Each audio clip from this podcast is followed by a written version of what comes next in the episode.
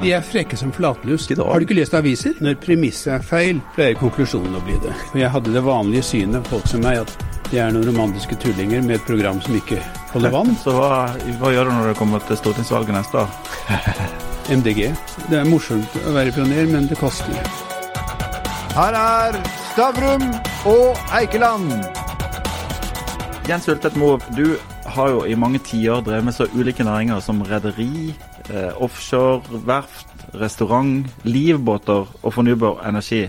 Du er en analytisk person og har en bakgrunn for McKinsey. Hvordan vurderer du situasjonen i verdensøkonomien akkurat nå? Situasjonen i verdensøkonomien er veldig alvorlig og mye verre enn markedene sier. Markedene tror vi har en åpenbar, eh, en åpenbar krise. Eh, man sier at verdens GNP vil ned med 58% i år. Det blir åpenbart mye mer. Første kvartal har ikke vært så ille, men husk på at halve første kvartal var normalt. Annet kvartal kommer til å bli fryktelig, og fjerde kvartal kommer til å bli enda verre. For i fjerde kvartal kommer pandemien til å komme opp igjen, slik som spanskesyken gjorde. Slik at totalt ville jeg tro at vi får 15 eller så reduksjon i verdens GNP i år. Og det er den største reduksjonen på ever, tror jeg. Det, det, er, det, er, en reduksjon som tilnærmet krig. Det er ikke reflektert i aksjemarkedet. Og det er ganske interessant, for man tror at dette vil være V-formet med en bratt opptur, og at dette er over til sommeren. Det er det kategorisk ikke. Dette er ikke over for enten 1 av befolkningen er døde og vi har flokkimmunitet, eller vi får vaksine, og det er ca. første kvartal neste år. Inntil da så vil vi ha Jeg så på de landene nå hvor det er en økning, og de hadde et typisk forløp, så jeg på i dag morges. At de opp, og så gikk de ned igjen, så slappet de av på kontrollen, og så gikk de rett opp igjen. Det har skjedd i en rekke land som Irak, Brasil, USA. Så eh, krisen i verdensøkonomien må, nå tror jeg er mye mer alvorlig enn folk flest er klar over. Hva gjør vi da, hvis du ser det fra et norsk perspektiv? Hva, folk, hva burde folk gjøre i Norge? Det, det er veldig forskjell. Altså, Orkla tjener jo penger som hakka møkk. De som leverer tingene som vi trenger. Orkla, høytek kommunikasjon, gjør det jo veldig bra. Eh, å investere der tror jeg er helt riktig så er det eh, kanskje for sent å hoppe ut av de dårlige.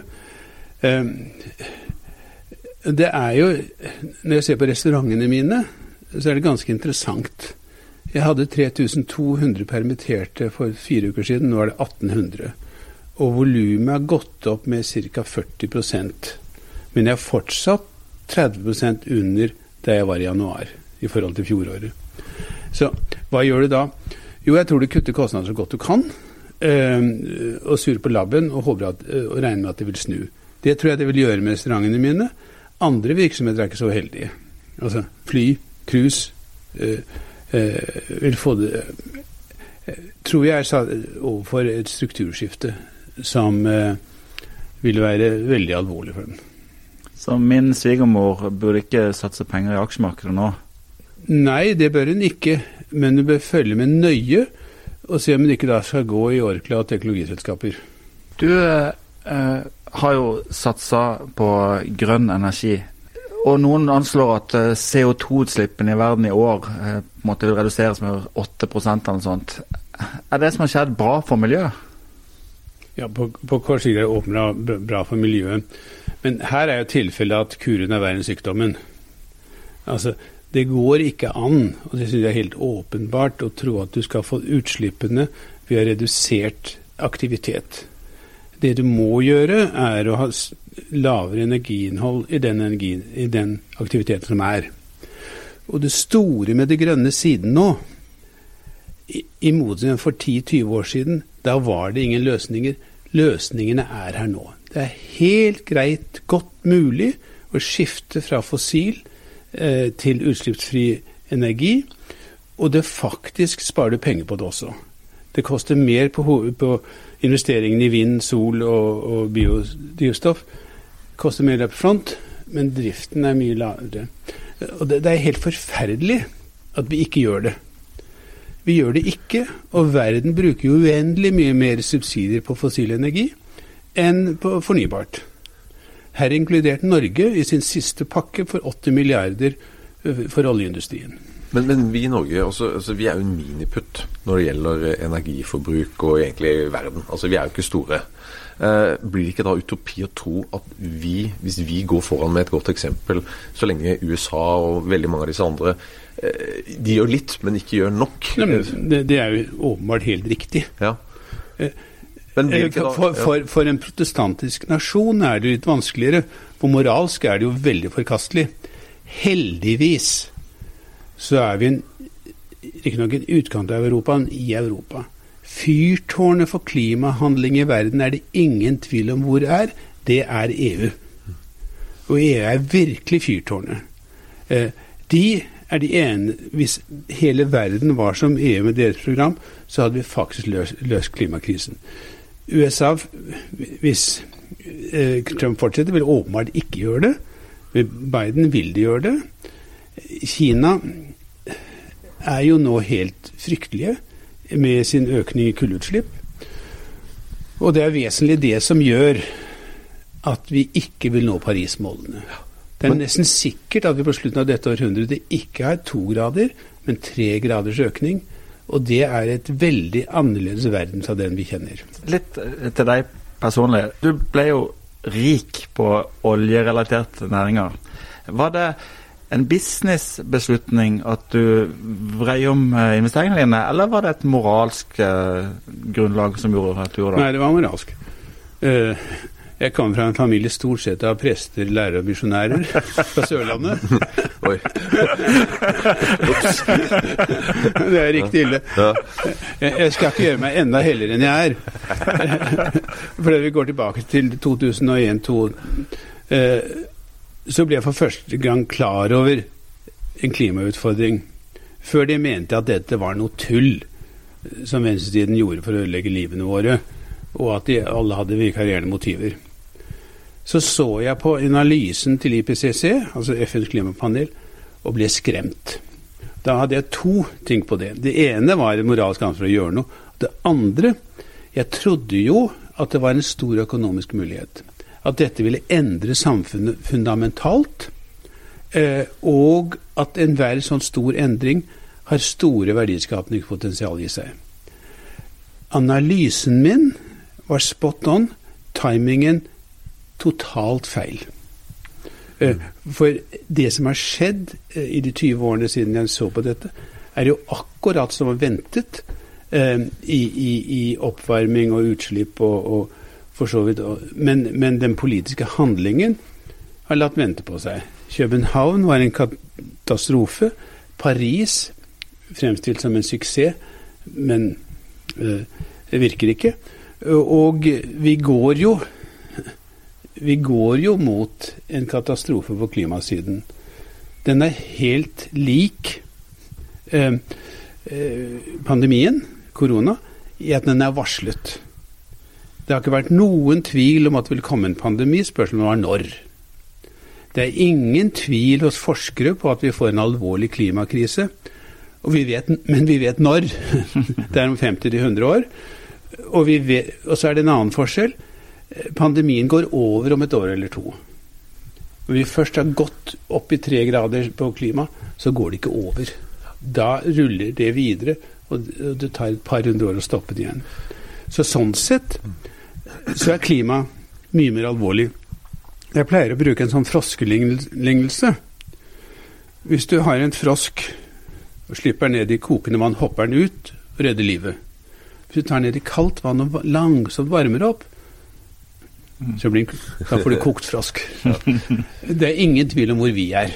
Mm. Men, men, men eh, du sa at, og ære være deg for det, at det var det moralske som gjorde at du investerte i fornybar eh, energi. Jeg trodde jeg skulle tjene penger på det ja, også. ikke sant? Jo, det forstår Men jeg. Men, men jeg forlot min tidligere min, At det skulle gå mot strømmen og bruke kapitalismens Ja, svingninger. Den forstår jeg. Men du hadde da ca. 8 milliarder kroner å tære på, ikke sant? Ja.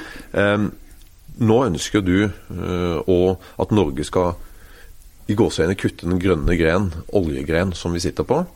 og nå eh, egentlig eh, satse og gjøre det samme som det du gjorde da. Nei, men, du, men, men, det- du tar helt feil. ja.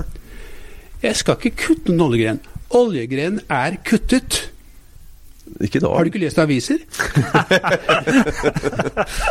Exxon Ja. har ikke økt i verdi på ti år. Hm? Men, men vi har tjent det- penger på ti, de siste ti årene, da. Ne, vi har tjent helvetes mye penger på de ti årene. Ja. Ja. Og derfor er det veldig rart at aksjeverdien ikke har steget. Det betyr at markedet forstår at først er kulldøende, så oljedøende, og de putter ikke penger inn i noe som er synkende. Men, men norsk økonomi har hatt veldig god inntjening de siste ti årene, og vil ha det i mange eh, år fremover. Og, Eh, Norsk økonomi har tjent eventyrlig godt på ja. og, det, og det vil jo du kutte nå. Det er det som er poenget. Nei, jeg vil ikke kutte. Nei. Jeg vil ikke bygge videre ut. Det er stor forskjell.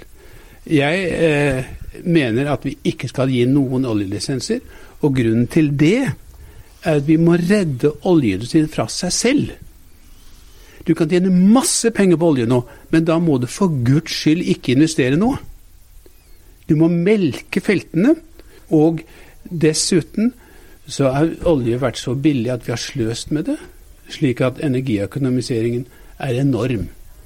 Og ved å elektrifisere, så da er energitapet ved å bruke energien 10-15 Ved å bruke fossilt er den 70-80% Men alle analyser, internasjonale analyser tilsier tilsier at uh, oljeetterspørselen eh, altså vil øke med ca. Sånn 10 det er vel konsensus eh, fremover nå de, de neste 10-15 årene. Eh, og i tillegg S- s- og så må du erstatte den, ja, så må du også da erstatte den oljen som faller bort. Så, i, så i, det vil jo kreve enorme milliardinvesteringer internasjonalt i årlig nå fremover. Og hvis vi kutter, så vil jo alle de andre gjøre det samme.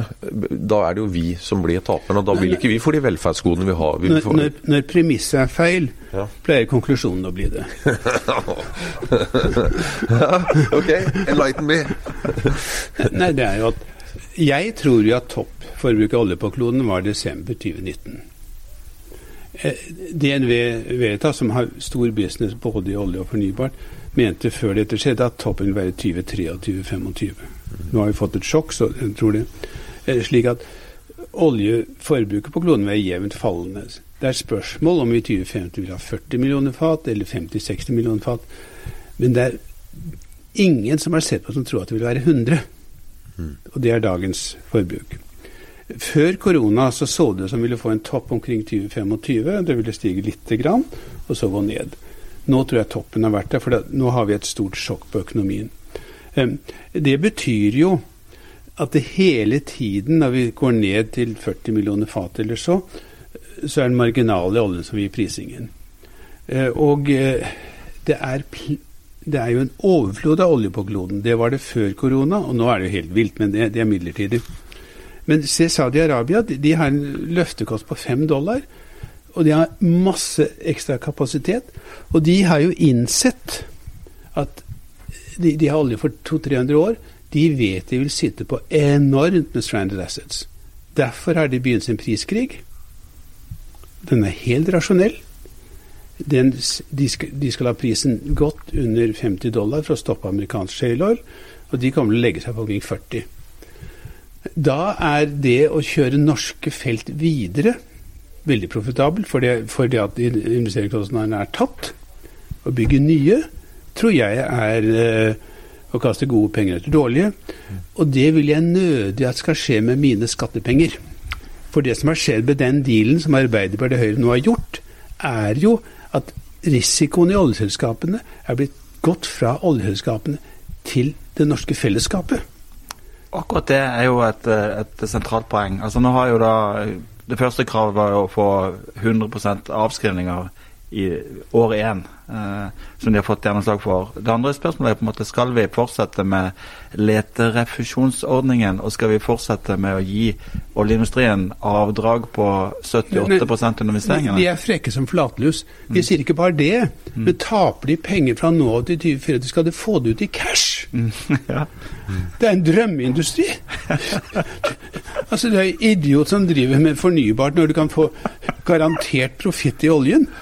Um, Eh, Men hadde vi ikke hatt refusjonsordninger, så hadde vi ikke skapt alle de verdiene som har kommet fellesskap til gode. helt enig. Refusjonsordningen har vært riktig vellykket. Ja, ja. Eh, Riktig vellykket. Eh, Jeg tror nå, når jeg tror at oljeprisen vil være så, så vidt lav, eh, så er den veldig farlig. Jeg ville tatt den bort. Og det jeg mener burde gjøre, er jo at du får ringtans rundt hvert et oljefelt. Redusere skatteraten betraktelig, men være slik at oljeselskapet vil ha samme, eh, vil ha, ha eh, samme risiko for tap og gevinst. Og så fikk de ta risikoen, og så får vi se hvor mye de da investerte. I øyeblikket er jo risikoen i svært stor grad på samfunnet. Akkurat det er jo poenget. For liksom i, i gamle dager så, så gjorde det jo ikke noe på en måte at du fikk fradragene nå, og så, og så, så, fikk du, fikk du, så ble du kompensert når du begynte å tjene penger på feltet. Men det forutsetter jo at feltet blir lønnsom en gang. Hvis ikke det blir det, så er det jo staten som tar risikoen. Ja, og det er det som er argument for oljeindustrien nå. Det er 8 milliarder eh, skal de ha i skattelette, og det får staten igjennom noen år når de har funnet masse olje og prisen er høy. Når premissene er gale, blir konklusjonen vill. Jo, Og det har skjedd her. Men, men, hva burde vi gjort istedenfor? For nå skriker jo hele Norge Nei, nei. på investeringer. Eh, Helt klart hva, hva borti tema. Én, ikke investere i nye oljefelt. Produsere all oljen vi har eh, i gang. To, bruke alle disse pengene på å omstille eh, servicenæringene. Eh, de trenger det veldig. De har jo stranded assets i supply sheet som fyller opp Vestlandsfjorden, og de, de føler det veldig. Og det er en veldig kompetent næring. Eh, Den er omstillingsdyktig, det har vi sett eh, mange eksempler på. Og så må vi ikke glemme at oljeindustrien er i sysselsetting bitte liten. Det er 52 000 individer. Det er en 10 av hva vi har i helse og omsorg. Det er 2% av total norsk sysselsetting. de betaler for helse og omsorg, da. Har gjort. Ikke de arbeiderne. De er superbetalte. Men nei, de har 30% mer enn alle andre. Gjennomsnittslønnen i oljeindustrien er 900 000. I industrien er 600 000. Eh, så, Så, så er de to uker eh, ute i Nordsjøen eh, hver fjerde uke. de jobber jo 17 uker i året. Det er tøft. Oi, oi, oi. Du går på hemmelig adresse? Ja, Dem om det. Men, men poenget mitt er jo at det å si at du gjør dette for sysselsetting, slår meg som merkelig. For det første, de 52 000 arbeiderne vil stort sett ha jobb på de eksisterende feltene. Og det vil gå i noen tiår, altså det vil gå sakte nedover i takt med hvordan de pensjoneres, og det er greit. Så er det 100 000 jobber i, i, i servicenæringen. De er veldig utsatte. De er veldig utsatte, de er høykompetente, de har eh, teknologi, og de har teknologi som veldig godt kan brukes til det grønne skiftet. Det dreier seg mye om engineering, om energiøkonomisering, eh, og på disse områdene er de ordentlig gode. Og så må, må vi ikke gjøre det vi nå gjør, binde dem inn i en døende industri. Det er det som skjer. Tror og da vil vi få en mye langsommere omstilling. Og argumentere at vi må binde dem i denne industrien, så skal de tjene masse penger, og så skal de så gjøre det grønne etterpå. Um, uh, ja, jeg brukte et bilde på det som kanskje ikke var så vennlig. Det er som å ta til lungesyke kreftpasienter at de må få sigaretter, for da får du mer kreft så du kan, som du kan forske på. Men er det, er vi, er vi, har vi en illusjon i Norge om at nå har vi hatt en næring som har hatt en stor uh, grunnrente og tjent masse penger på, uh, og tro at vi uten videre skal finne en ny næring som skal gi oss uh, et gratislodd på lykke? Det finner vi helt sikkert ikke. Mm. Ikke sant? Du vinner ikke Lotto to ganger på rad på samme nummer. Mm. Eh, Så vi må, altså én, vi har tjent masse penger. To, vi har forvaltet det klokt. Vi har jo et enormt oljefond som er klokt og riktig forvaltet. Og det betyr jo at nå kan vi trekke 200-300 milliarder der i en krise, som er det det var ment for. Så det er helt riktig.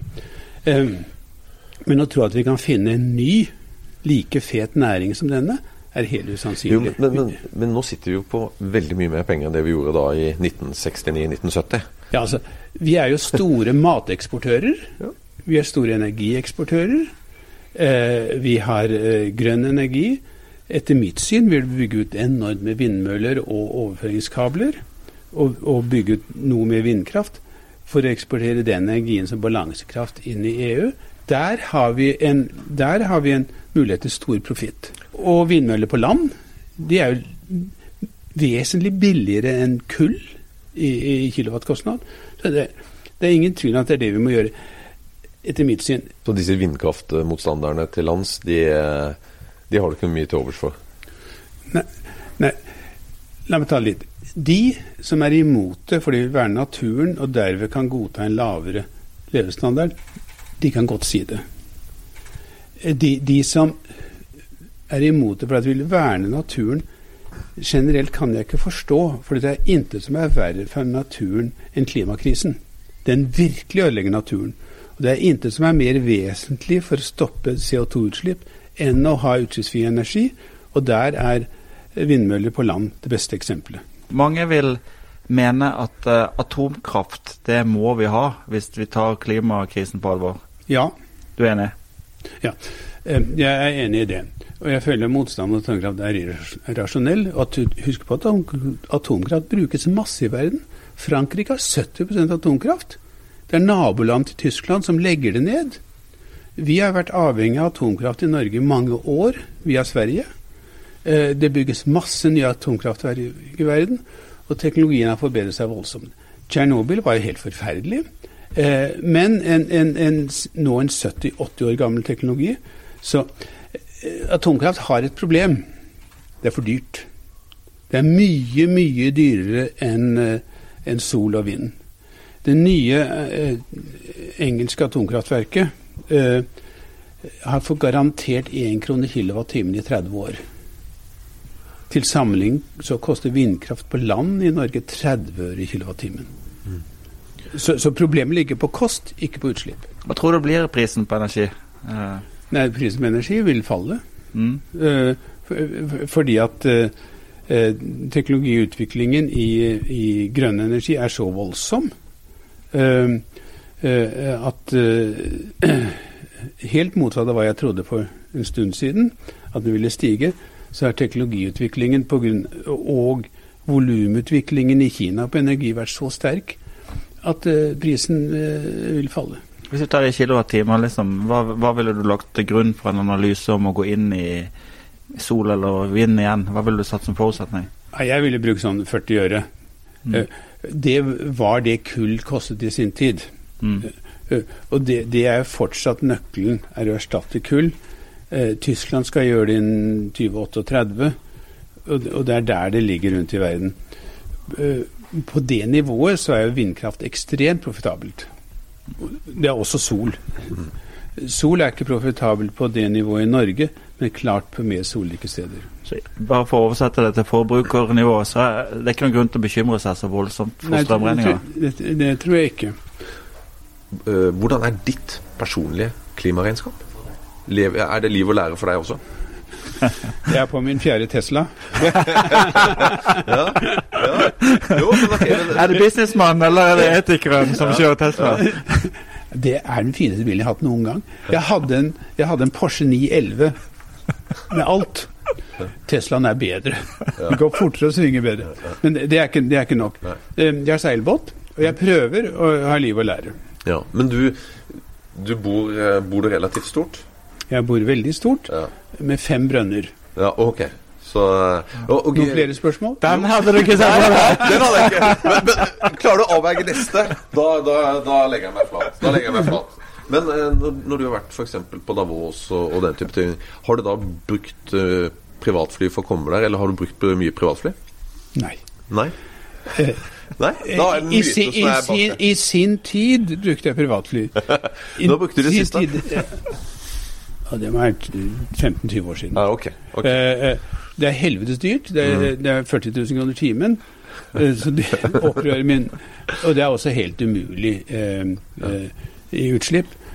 Flynæringen er ikke så ille. Det er 2 av utslippene. Rødt kjøtt er 8% du du er blitt vegan òg? Nei, men jeg slutter med rødt kjøtt. Okay. Eh, og jeg prøver å snu restaurantene mine bort fra det. Akkurat det, akkurat det, er faktisk veldig interessant. For du er jo Burger King-franchisen i Norge. Og Burger King har jo begynt med kjøttfrie burgere. Eh, er markedet moden for det?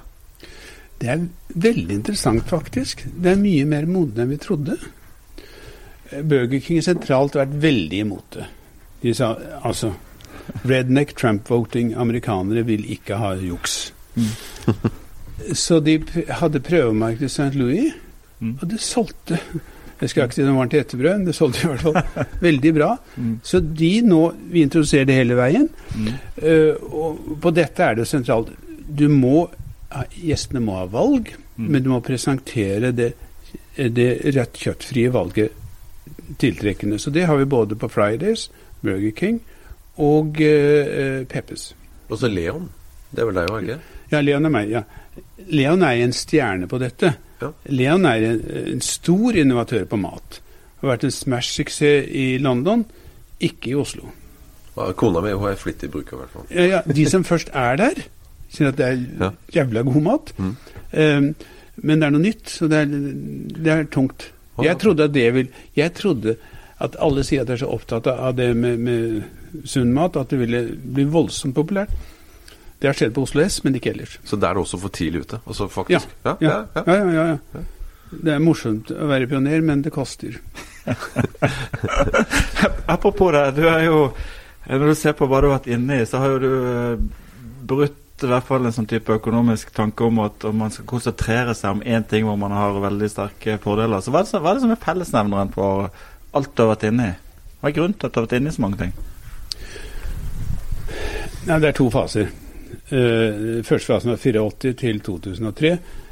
Da, da prøvde jeg hele tiden å investere motsyklisk, eh, og tok risiko på det.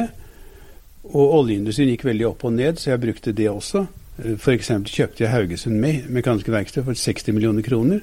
Solgte ti år senere for halvannen milliard. Mm. Det var inn på en bunn. Og, så når jeg var tro mot det, å gå motsyklisk i modne industrier, så tjente jeg masse penger. Så forlot jeg den tankegangen, tenkte jeg skulle investere strategisk både av moralske og økonomiske grunner, og feilet spektakulært.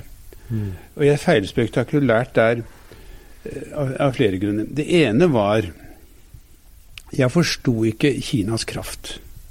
Når Kina går for noe, er det så enormt, og de vasker alle andre av banen. To, jeg forsto ikke at eh, grønt er vesentlig mer politisk utsatt enn alt annet. Eh, til å begynne med eh, eh, så var det rent politisk drevet, og til å begynne med så var jo subsidiene på sol altfor høye. Som førte til en boom, som REC hadde. ikke sant? De hadde 200 kroner i, i aksjekurs. Og det så alle andre det, og dermed ble det overutbud. Sånn er kapitalismen. Og det har vært veldig bra for kloden, veldig dårlig for de som er i solenergien. Eh, så er det også slik at de, politiske settingene er jo veldig følelsesbetonte, og er stort sett eh, er jo på kloden subsidiene gått til fossil industri. I Norge er det nå ganske mye penger i det grønne skiftet, men eh, ikke nok. Og, omstillinger tar tid. Og folk flest gir jo jam blanke. Eh, eh, og, og, og det er derfor jeg har, jeg har gitt en del for, for å prøve å snu holdningen hos ungdom. For de blir velgere om noen år, og det må komme nedenfra og presse opp. Vi åpner nettopp Klimahuset på Tøyen, som, som jeg håper har 100 000, eller alle skolebarn i Oslo gjennom hvert år. Eh, For da får de presse opp på politikere, og så vil de kanskje snu. Foreløpig er det jo bare MDG som virkelig hardt stå på klima. Jeg trodde at Arbeiderpartiet og Høyre ville gjøre det, men jeg ser de nå støtter en 80 milliarder støttepakke for en ødeleggende, klimaødeleggende industri. eh, Får jeg tvil. Så hva, hva gjør du når det kommer til stortingsvalget neste år? MDG. Ja. Altså, du må gå for det partiet du er minst uenig i. Altså, MDG har en god del jeg er uenig i. Som Mot vindmøller, overbeskyttelse av klima, romantiske skattesystemer. Eh, Så er det på det jeg virkelig støtter, som er sterkt eh, sterk klimahandling. Skatter som må være store på det som forurenser. Og eh, eh, redusert trafikk. Så jeg har ingen tvil om at det er det jeg må støtte. Og jeg hadde en interessant. De ba meg om å holde et innlegg på et møte de hadde for sine kommunevalgte. Og for det tenker jeg for guds skyld jeg får i hvert fall lese programmet deres. For jeg hadde det vanlige synet, folk som meg, at de er noen romantiske tullinger med et program som ikke holder vann. Så jeg leste det faktisk. Det var ordentlig godt. Altså, og det, det var også skikkelig på, på skatt. Det var, det var litt urealistisk på personskatt, men de hadde beskatning av det som uh, utslippene. De, de, hadde et fornuftig næringsprogram. Det skal, bør utvikles videre. Og, og, og på olje, f.eks., så trodde jo jeg at de var bortreiste fantaster og ville nedlegge hele greia i morgen. De er ikke der. De sier gi ingen nye lisenser, hvilket, som jeg snakket jeg er helt enig i. Så jeg synes, uh, jeg synes de er de som best kan gjøre noe på det jeg virkelig bryr meg om, som er klimautfordringen. Som jeg tror at den, den er helt analog til pandemien vi har nå. Det er en varslet krise, den er alvorlig for menneskeheten, men den er verre enn pandemien, for den går ikke over. Da har jeg lyst til å spørre deg, Har dette gjort deg mer eller mindre populær blant norske milliardærer?